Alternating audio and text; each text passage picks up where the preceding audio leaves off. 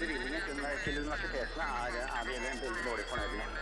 Og hvis du ser på hva vi tar no more killing of innocent lives. Ja, det, den saken eh, tapte vi i Soria Moria-forhandlingene. Det var aldri Men hvorfor tapte dere når alle er enige om det?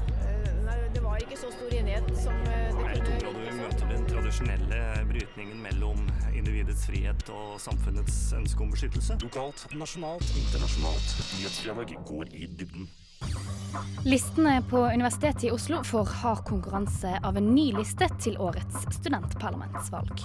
Uh, I want to I want to make sure that everyone is thinking about this. I want the other lists to think, oh crap, now the international students are all going to vote this people. We should put international policies at the top of well. Dysleksiforbundet de er misfornøyde med tilretteleggelsen for studenter med dysleksi ved norske universiteter. Eh, I tillegg så er det jo en del universiteter som er litt eh, firkanta på diagnostisering. Altså som sier at hvis diagnosen er mer enn fem år gammel, så må man gjøre en ny test. Det syns jo vi er et problem, da. Og eh, studenter ved Norges idrettshøyskole idrettshøgskole fikk endelig satt fysisk aktivitet og ernæring på dagsorden. I Velferdstinget så er det veldig mange eh, som er mer mm, interessert i det samfunnsfaglige i samfunnet. Og da mener jeg at det er vår oppgave å kjempe inn det.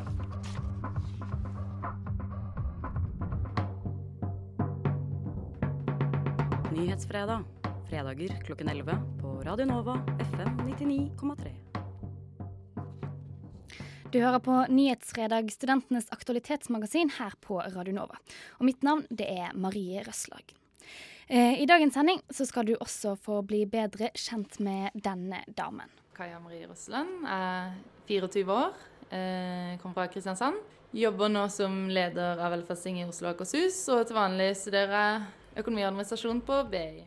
Men aller først her i Nyhetsfredag så skal du få en liten eh, oppsummering av ukens viktigste studentnyheter ved Helge Switters.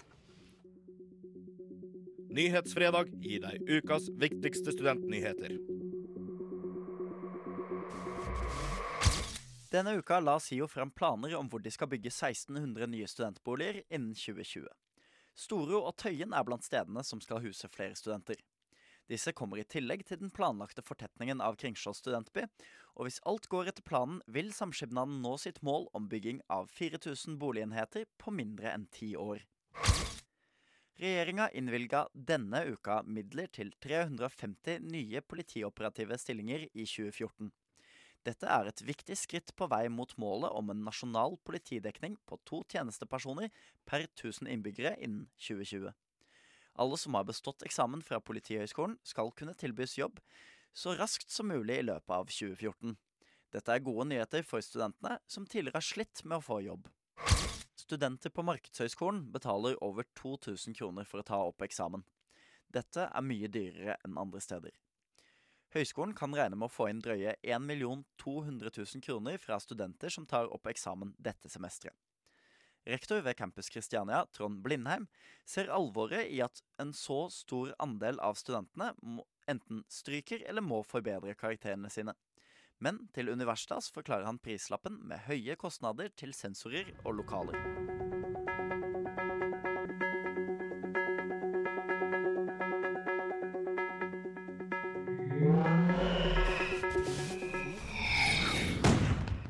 Snart så skal vi rette fokus mot et utfri, utilfredsstillende tilretteleggingsordning ved norske universiteter. Men først så skal vi til eh, internasjonale studenter på Universitetet i Oslo.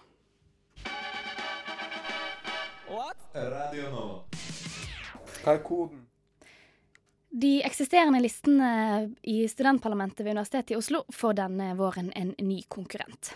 For nå har en rekke internasjonale studenter gått sammen om å danne en eh, International Student List.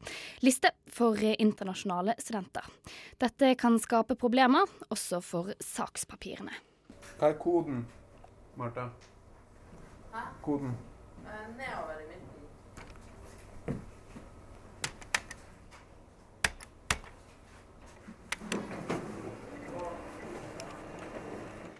Dette er nok ikke siste gang at saksdokumentene til studentparlamentet ved Universitetet i Oslo må skrives ut i to omganger. Frem til nå har alt foregått på norsk, men nå stiller en liste laget av internasjonale studenter til valg. Det krever sakspapirer på engelsk. Men grunnleggeren mener at det ikke er noen grunn til å bekymre seg for språkferdighetene. Well, I think the key thing here is that we are not looking for linguists. Am I right? We are not looking for like, you know, a beautiful translation of the Divine Comedy. We are looking for clear and understandable instructions and clear understandable way for international students to look at policies and know how they can be involved. Listas navn er International Students List. Grunnleggerens navn er Enzo Rossi. Og inkludering er hovedsak. Main issues. Well, inclusion has to be the main issue. Inclusion and inclusivity, which are not necessarily the same thing. Um, the fact that the parliament should be a proactive entity and not a reactive one, or actually should be a bit of both. Her kan den norske studentbevegelsen bli flinkere. Uh, what do you mean with being proactive instead of reactive? Ah, examples, examples. Okay. Well, uh, one thing that's necessary, we have very few, we, we don't have that many masters that are fully international. Uh, so why hasn't anyone from Parliament taken five seconds of their time to go and visit us, for example? Why, why was there no one representing the Parliament in our information meetings? You know, that th- that's very little. It's very little effort, and it would make such a big difference, I think. Hva håper så International Students List å oppnå med å stille til valg? Well, the main thing is that I want to be in everyone's ears and mouths. I want to, and and not in a sensual way. I mean, uh, I want to, I want to make sure that everyone is thinking about this. I want the other lists to think, oh crap, now the international students are all going to vote this people. We should put international policies at the top of our priorities as well. Studentparlamentets kontorer ligger i andre etasje på ærverdige Villa Eika. Enzo har et mål om å få folk i lista si opp den gamle tretrappen. I, would like at least two or three of, uh, of our list to be included in the parliament and the and the formation of the of, of the next of the next election. But the main the main goal is to ensure that the parliament as a whole uh, looks into representing international students because that's that's what it should be doing. Reporter her, det var eh, Helge Switters. En av årsakene til at uh, denne listen for internasjonale studenter uh, ble opprettet, er altså at studentene føler seg underrepresentert i studentdemokratiet. Og med oss på telefon så har vi Aksel Nerdrum, internasjonalt ansvarlig i NSO. Hvordan representeres internasjonale studenter i studentdemokratiet i Norge i dag?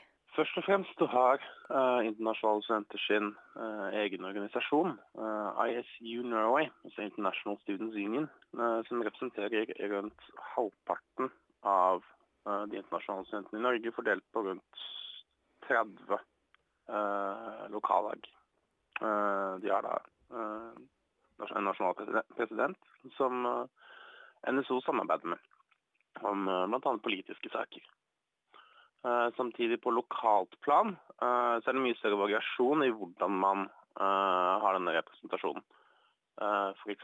på UiT, Universitetet i Tromsø, Norges arktiske universitet, så har ISU en fast plass, altså en kvote, i parlamentet. Ved Universitetet i Stavanger så er de internasjonale studentene sin egen liste, som har holdt på en liten stund. Eh, så det er mange forskjellige tilnærminger til representasjon for internasjonale studenter lokalt. Men er, den, er representasjonen av internasjonale studenter god nok? Nå har jo litt under 10% av den norske studentmassen, studentmassen i Norge, har utenlandsk statsborgerskap. Um, så jeg vil jo si at jeg vil til å påstå at de er noe underrepresentert uh, i dagens uh, studentdemokratier over det ganske land. Men hvorfor er det da så viktig at student, internasjonale studenter er representert? Internasjonale studenter kommer inn med et helt annet perspektiv, en opplevelse. Det må være ny i Norge.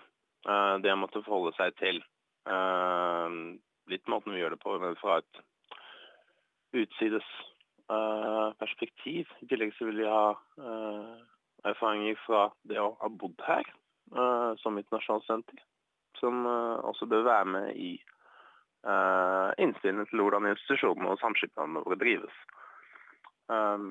Derfor mener jeg det i utgangspunktet er viktig med, altså, med representativ um, med representative demokratier, eller at representativiteten i demokratiet er godt. Uh, Derfor er det viktig at internasjonale eh, studenter også konsulteres og høres. Men hvis eh, du sier at de er underrepresentert, hvordan kan man da snu på dette? Det er forskjellige, det er, er forskjellige måter å gjøre det på. Dette må være noe man må tilpasse eh, litt ut fra situasjonen man er i ved den enkelte studentdemokrati. Eh, jeg vet at no, på no, noen institusjoner så jobber eh, parlamentet veldig nært eh, med ICU, eh, med lokallaget. Altså det, noe av det første jeg vil anbefale, er å skaffe et ICU-lokallag. Det er bare å ta kontakt med ICU hvis man ønsker hjelp med å få satt det opp. Um, sammen med da kvoteløsning til UiT, man har mer den rene uh, listeløsningen til UiS. Uh, de aller fleste kan jo settes altså, i uh, demokratier med lister. Så er det bare å stille liste. Eventuelt bare fremme at internasjonale studenter stiller til uh, demokratiene. Men hva tenker du da om at det er opprettet en egen liste for internasjonale studenter på, eh, i studentparlamentet på Universitetet i Oslo? Jeg syns det er i utgangspunktet positivt. Uh, nå må jo uh, denne listen få uh, studentenes tillit for å komme inn. Og jeg tenker at hvis de gjør det, så kan de være med på å forbedre både perspektivet, representativiteten og politikken ved Universitetet i Oslo. Men dette er da skal ikke blande for, for, mye bort i lokale saker, men jeg tenker at i utgangspunktet så er det positivt. Takk til deg, Aksel Nerdrum, internasjonalt ansvarlig i Norsk studentorganisasjon. What? Radio Nova. Mandag kom studentombudet ved Universitetet i Oslo ut med sin årsrapport. Den slo fast at det fortsatt er et stykke igjen for at alle studenter tør å varsle om kritikkverdige forhold ved universitetet. Det kom også frem at flere studenter vegrer seg å be, for å be om tilretteleggelse. Noen av de som ber om tilretteleggelse, er dyslektikere. Og Dysleksiforbundet de synes ikke tilretteleggingstjenesten på norske universiteter er optimale. For studenter så er det jo uh, en hel rekke utfordringer, uh, de som har dysleksi. Uh, det er jo klart det at de, de, personene med dysleksi som begynner på universitetet, er jo nok personer som har klart seg ganske greit i skolesystemet allerede. Så de som har fått absolutt aller minst oppfølging i, i tidligere, de, de, de kanskje ikke engang begynner. Sier Karoline Solem, generalsekretær i Dysleksiforbundet. Ifølge Studentombudets årsrapport er det ikke gode nok systemer for å varsle om kritikkverdige forhold. Dette merkes spesielt for de som trenger tilretteleggelse for å kunne gjennomføre høyere utdanning. Men vi, vi, er jo ikke fornøyd med hvordan, hvordan universitetene tilrettelegger heller. For det første så er jo ikke universitetene og høyskolene særlig pedagogiske institusjoner. Det er institusjoner du kan dra til for å hente ut kunnskap. Det er forventet at man gjør dette her selv. Så det man tilbyr er gjerne lengre tid på eksamen, bruke datamaskin med spesialtilpassede hjelpemidler. Eh, og det er det. I tillegg så er det jo en del universiteter som er litt eh, firkanta på diagnostisering. Altså som sier at hvis diagnosen er mer enn fem år gammel, så må man gjøre en ny test. Eh, selv om tilretteleggingen man skal få er ganske forenklet. Og det syns jo vi er et problem, da. På dette området er universitetene og høyskolene for firkantet. Igjen med det jeg sier om utredning. Noen høyskoler sier jo kanskje at eh, du fikk en utredning siste året på videregående.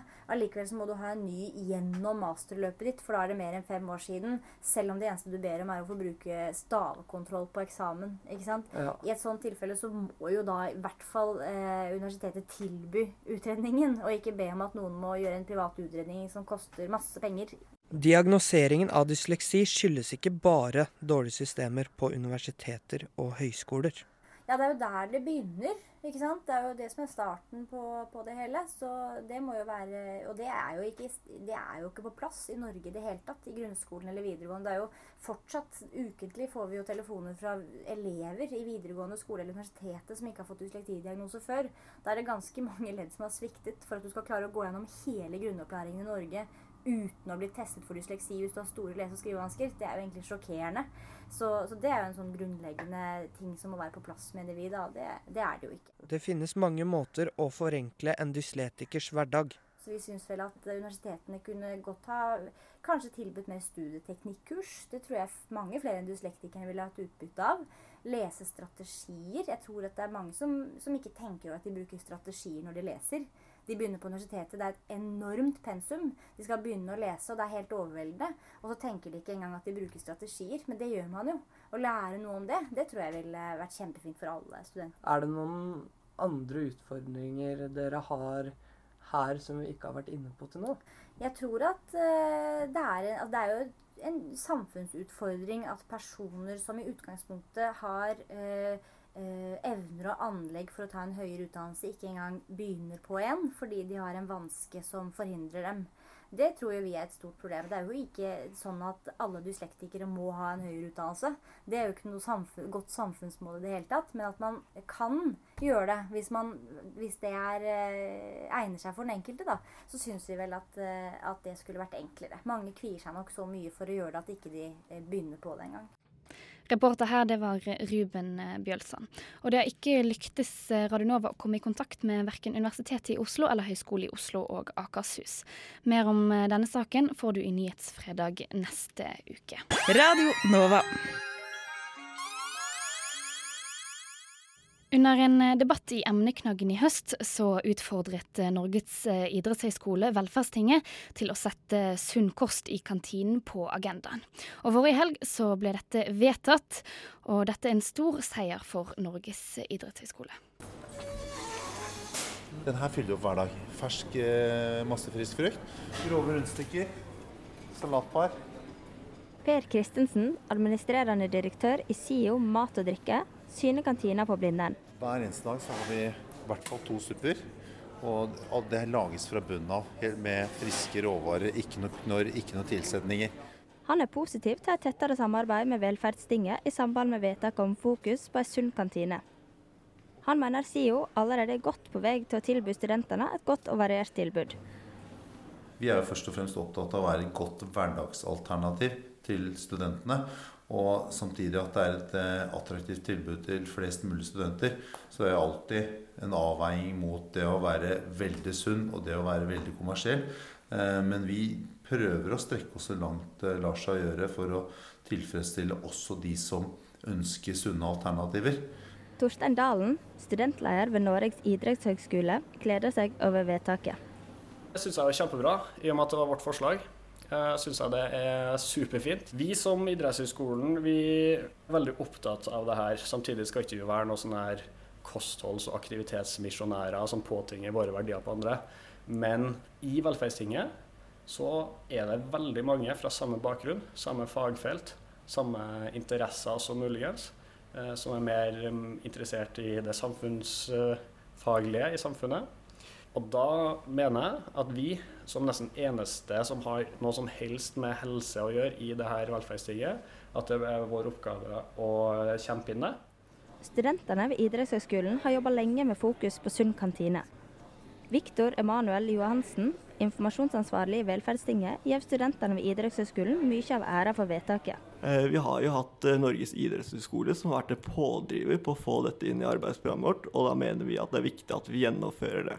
Det er viktig eh, for studentene i Oslo og Akershus å ha et eh, fokus på fysisk aktivitet og ernæring, for vi alle vet at holder man seg aktivt eh, i god form og spiser godt, så fremmer det velferden til studentene. Man har det bedre over lag. Det er jo ikke overraskende at det kommer fra det miljøet, da, for jeg tror ofte det er en sammenheng mellom de som driver idrett og de som ønsker å spise noe som er bra for kroppen. Så ja, vi er positive til det. Til slutt så hørte du administrerende direktør i SIO mat og drikke, Per Kristiansen. Og reporter her, det var eh, Eirin Nilsen Vikøren. Nå skal vi over til eh, noe helt annet. For ca. En, eh, en og en halv måned siden så inntok en eh, ny kvinne tronen som Oslos mektigste student. Hun har allerede klart å provosere, og nå skal jeg hjelpe deg med å bli bedre kjent med kvinnen bak eh, drittsekkutspillet. Nei, men jeg mener helt ærlig da, at du er liksom Hvis du tar Hvis du er liksom allmennlege og velger å jobbe med en samskipnad, så er du en skikkelig drittsekk. er Hvis sånn du sånn ønsker å reservere deg mot det. Her hair is hollow gold. Her hands are never cold. She got Betty Davis eyes. Mens den eh, amerikanske skuespilleren eh, Betty Davis var kjent for sine øyne, har denne damen foreløpig gjort seg bemerket for å bruke ordet Drittsekk. Hvem som er eh, denne drittsekken, det skal jeg komme tilbake til senere. For først så skal jeg introdusere. Kaja Marie Røsland er 24 år, kommer fra Kristiansand. Jobber nå som leder av Velferdsting i Oslo og Akershus, og til vanlig studerer jeg økonomi og administrasjon på BI. Frihet og samfunnets ønske om beskyttelse. Lokalt, nasjonalt, internasjonalt. Nyhetsdialog går i dybden. Om du har hørt på studentnyhetene på Radionova det siste halve året, så skal ikke disse bløte konsonantene være så ukjente.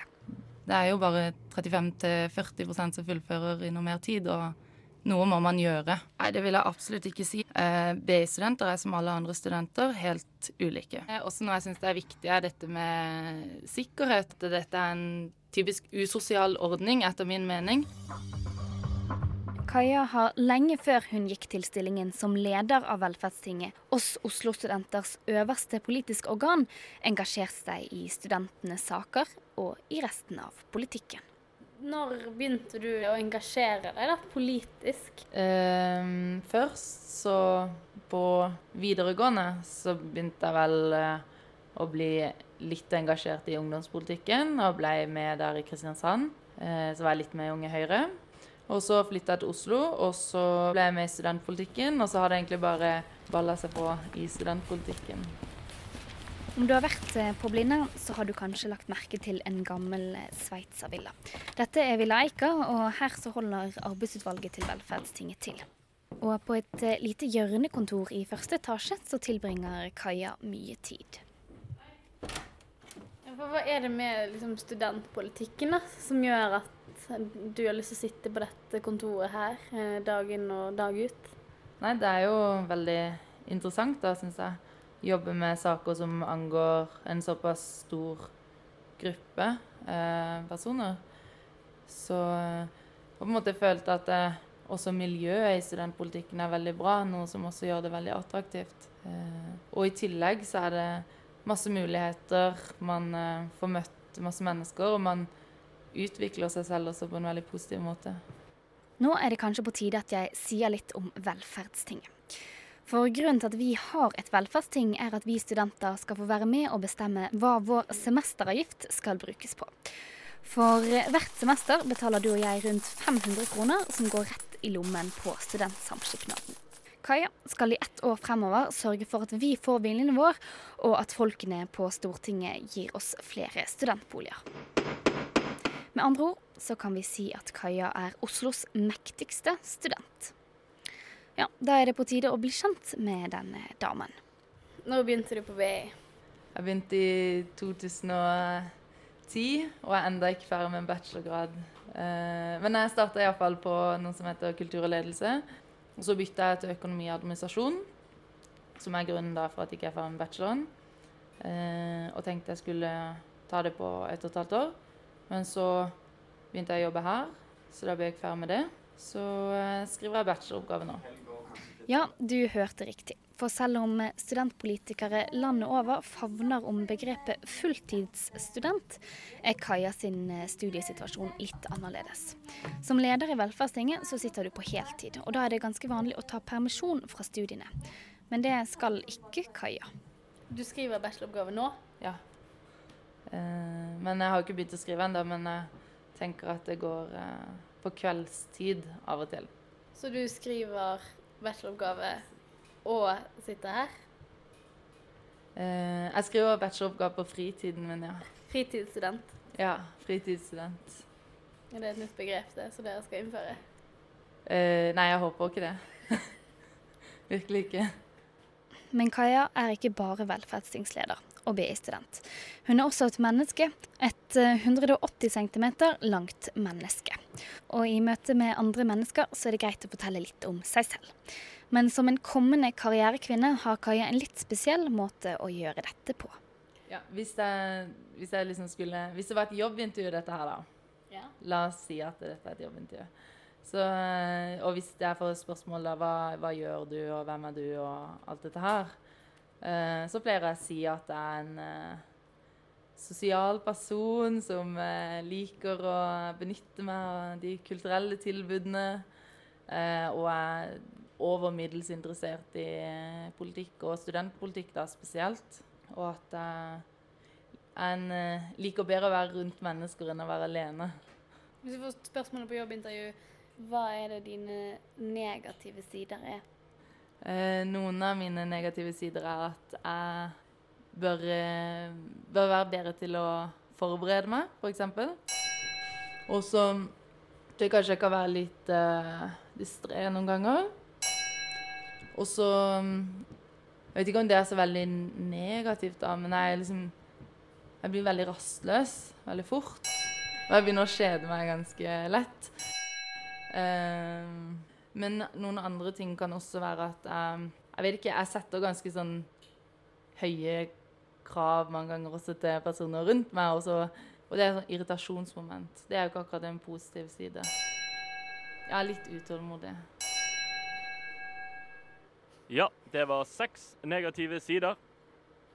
Ok, Nå eh, har jo vi et jobbintervju her, og foreløpig så har du ramset opp flere negative sider enn positive. Men hva er det som gjør at du er en egnet leder av eh, Velferdstinget? Eh, jeg mener at jeg er en egnet leder fordi at eh, jeg har eh, veldig stor eh, Eller liksom veldig mye engasjement for eh, studentpolitikk og eh, studentvelferd. I tillegg så jeg ha, har jeg den kunnskapen som trengs, og har jo masse gode mennesker rundt meg, så der ikke jeg vet ting, vet jo alltid de det meste. I tillegg så har jeg veldig stor arbeidskapasitet, så jeg mener at jeg er veldig flink til å på en måte ta, ta meg fri når jeg merker at det blir for mye, da. Eh, og liksom chille og se på svenske Hollywood-fruer, f.eks. Eh, sånn at jeg på en måte får liksom alltid ting gjort, og på en måte klarer da å gjøre det som skal til. I tillegg så mener jeg at jeg er en person som klarer å uttrykke meg i, på en lefatt- lettfattelig måte, slik at eh, det på en måte budskapet kommer tydelig frem, da. Vår egnede studentleder skal lede sitt første ordinære møte. Velferdsseminaret. Seminaret det skal foregå på Lørenskog, og for å få med seg alt hun trenger, skal Kaja låne en bil. Jeg er så heldig at jeg får være med på dette. Det er fredag, og jeg er på vei opp eh, på Villa Eika for å møte Kaja. Kaja, er det? Hun hun nettopp ut døren?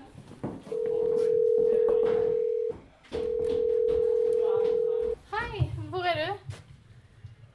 Er du gått eh, langt vekk, holdt jeg på å si? Du er på vei til trikken, ok. Og du skulle være der tre, da misforsto jeg. Å, herregud. Men eh, da jeg, jeg løper bort til deg, jeg. OK. Greit. Jeg har bommet eh, på tiden og sviktet jenten som Jeg vet ikke, jeg setter ganske sånn høye krav mange ganger også til personer rundt meg, og, så, og det er et sånn irritasjonsmoment. Så da må jeg bare hive meg rundt. Hei, tar du den banen som går om sånn ett minutt? Treeren? OK, greit. Her er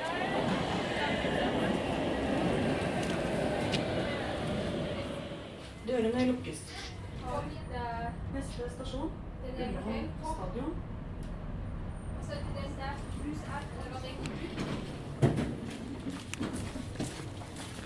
Vi er sent ute, og det er en ganske så stresset Kaja som kommer løpende mot meg idet jeg kommer av T-banen. Har du litt høy puls nå? Nei, det går greit. Det er bare litt flaut å være litt sein. Sent ute er hun sjeldent. Til eh, det viktigste, i hvert fall. Eh, eh, jeg vet ikke. Hvis det er sånn skikkelig viktige ting, så kommer jeg alltid på tiden. Men hvis det liksom er sånn sosiale settinger og sånn, så kommer jeg som regel alltid for seint. Hva synes du om folk som skal møte deg og ikke kommer på tiden? da? Nei, det går greit. Jeg har ikke møtt på tiden selv, så det går fint. Men i dag ble jeg jævlig stressa, da.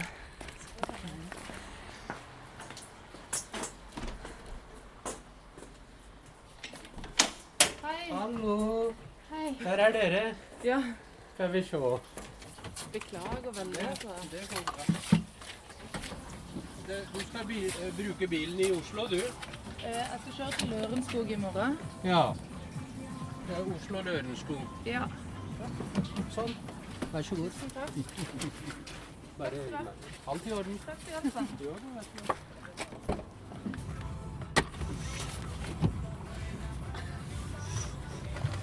Det var jo ikke noe stress.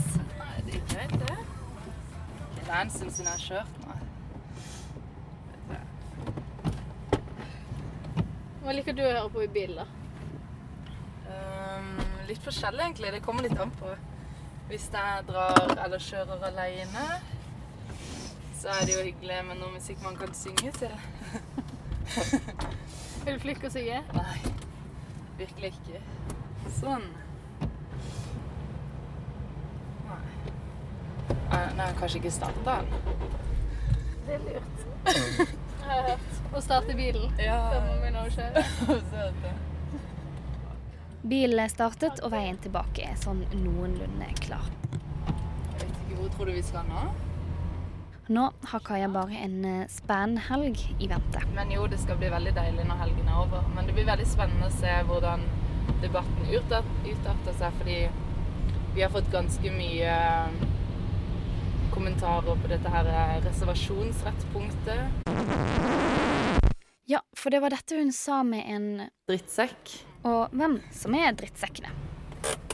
Det gikk jo greit. For når vi omsider kommer oss til dette velferdsseminaret, skal et omstridt punkt diskuteres. For Kaja og resten av arbeidsutvalget ønsker at Velferdstinget skal vedta at ingen av SIOs fastleger skal kunne reservere seg mot å henvise til abort. Jeg var veldig nervøs dagen før, det må jeg si. For jeg var nervøs for å drite meg ut eller si noe som var veldig feil, eller måte ikke klare å formidle ting eh, godt nok. Nå håper jeg at folk måtte måte skjønte det jeg sa, da, og at det var greit. Men eh, jeg var jo selvfølgelig nervøs i forkant. Og så har vi valgt å gå for kun én hovedprioritering. For eh, da Kaja innledet debatten, uttalte hun at du er en drittsekk hvis du tar jobb som lege i SIO og ønsker å reservere deg mot abort. Dette ble selvsagt plukket opp av flere, inkludert min eh, kollega Adrian. Um, I går så ble du jo sitert litt sånn på Twitter og sånne ting. Uh, hva var det du sa da? Uh, du, du er en drittsekk hvis du tar jobb eh, ting. Kan jeg skrive det? Eh, og altså, du er en drittsekk hvis du tar jobb som lege i SIO og eh, skal liksom reservere deg mot eh, henvisning til abort? Ja, det går greit. Ja. Så har vi jo fått litt oppmerksomhet på den ene saken med eh, reservasjonsrett, spesielt etter dere publiserte den saken. Eh, så det er veldig spennende. Hva slags reaksjoner har dere fått da? Mest, mest positive, men også en del negative. Men de negative går også mye på ordbruk. Ja, hva var det du sa da? Jeg brukte ordet drittsekk, noe som man kanskje ikke bør gjøre i en debatt, men det var på en måte for å gjøre innledninga litt kortere enn det den vanligvis eller ville vært, da. For eh, på Twitter fikk bl.a. Kaja kritikk fra en i Buskerud Kristelig Folkeparti, som kalte utspillet respektløst og stygt. Kaja tar til seg kritikken, men hun angrer ikke. Takler du kritikk godt? Personlig kritikk? Dette skulle ikke du ha sagt, Kaja. Du skulle ikke kalt de drittsekker. Du skulle ikke ha lagt føringer. Ja, sånn som det med føringer, for eksempel, da. Det tenker jeg er litt synd hvis det Velferdstinget følte da at det, jeg la altfor mye føringer for debatten. Så det er jo noe som jeg virkelig tar til meg og skal passe meg for å ikke gjøre. Men igjen, da, akkurat med den kommentaren, så er det ikke noe jeg ikke kunne stå for den dag i dag. Det er Jeg står fullt og holdent inne for det jeg har sagt. Det var sikkert en et barnslig ord å bruke, men det er ikke noe jeg angrer på. Jeg mener jo allikevel at det, det er jo det standpunktet jeg har til debatten, så det er jo ikke noe jeg ikke føler jeg kunne sagt høyt igjen. Her hair is hollow gold.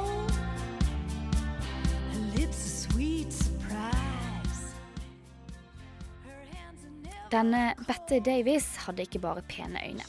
Hun var også en anerkjent skuespiller. Og Kaja hun har fortsatt drøye ni måneder på seg til å bli lagt merke til på andre måter.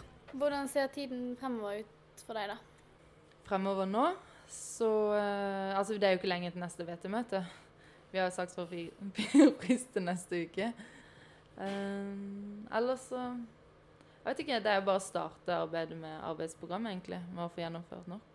Hvor begynner man, da? Nei, det er et godt spørsmål. Vi har jo ikke, har ikke satt det opp ennå, liksom, planen. Uh, men vi begynner jo med dialog med SIO om de tingene som går inn uh, Som er på en måte tiltak som SIO må gjennomføre, men som vi også er med på. Uh, og så begynner det jo også med at vi må lobbe opp mot politikere for å få gjennomslag. Så vi på en måte nå er det liksom å legge grunnstenen, da for det videre arbeidet. Når du kommer hjem og har liksom virkelig lyst til å høre på noe god musikk, og for å få deg i godt humør, drit i alle sånn hipsterkonvensjoner og alt sånt, hva er det du helst setter på da?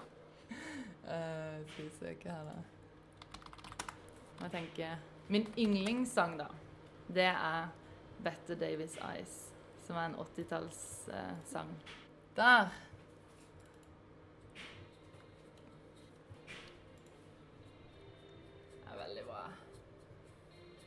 Ok, Men jeg bare syns den er en helt fantastisk sang å synge til det. Og så syns jeg at uh, den er litt sånn koselig. Og så blir jeg aldri lei av den, da. De andre sangene som har sånne periode periodesanger. Og så er jeg lei. Denne her blir jeg ikke lei. Stand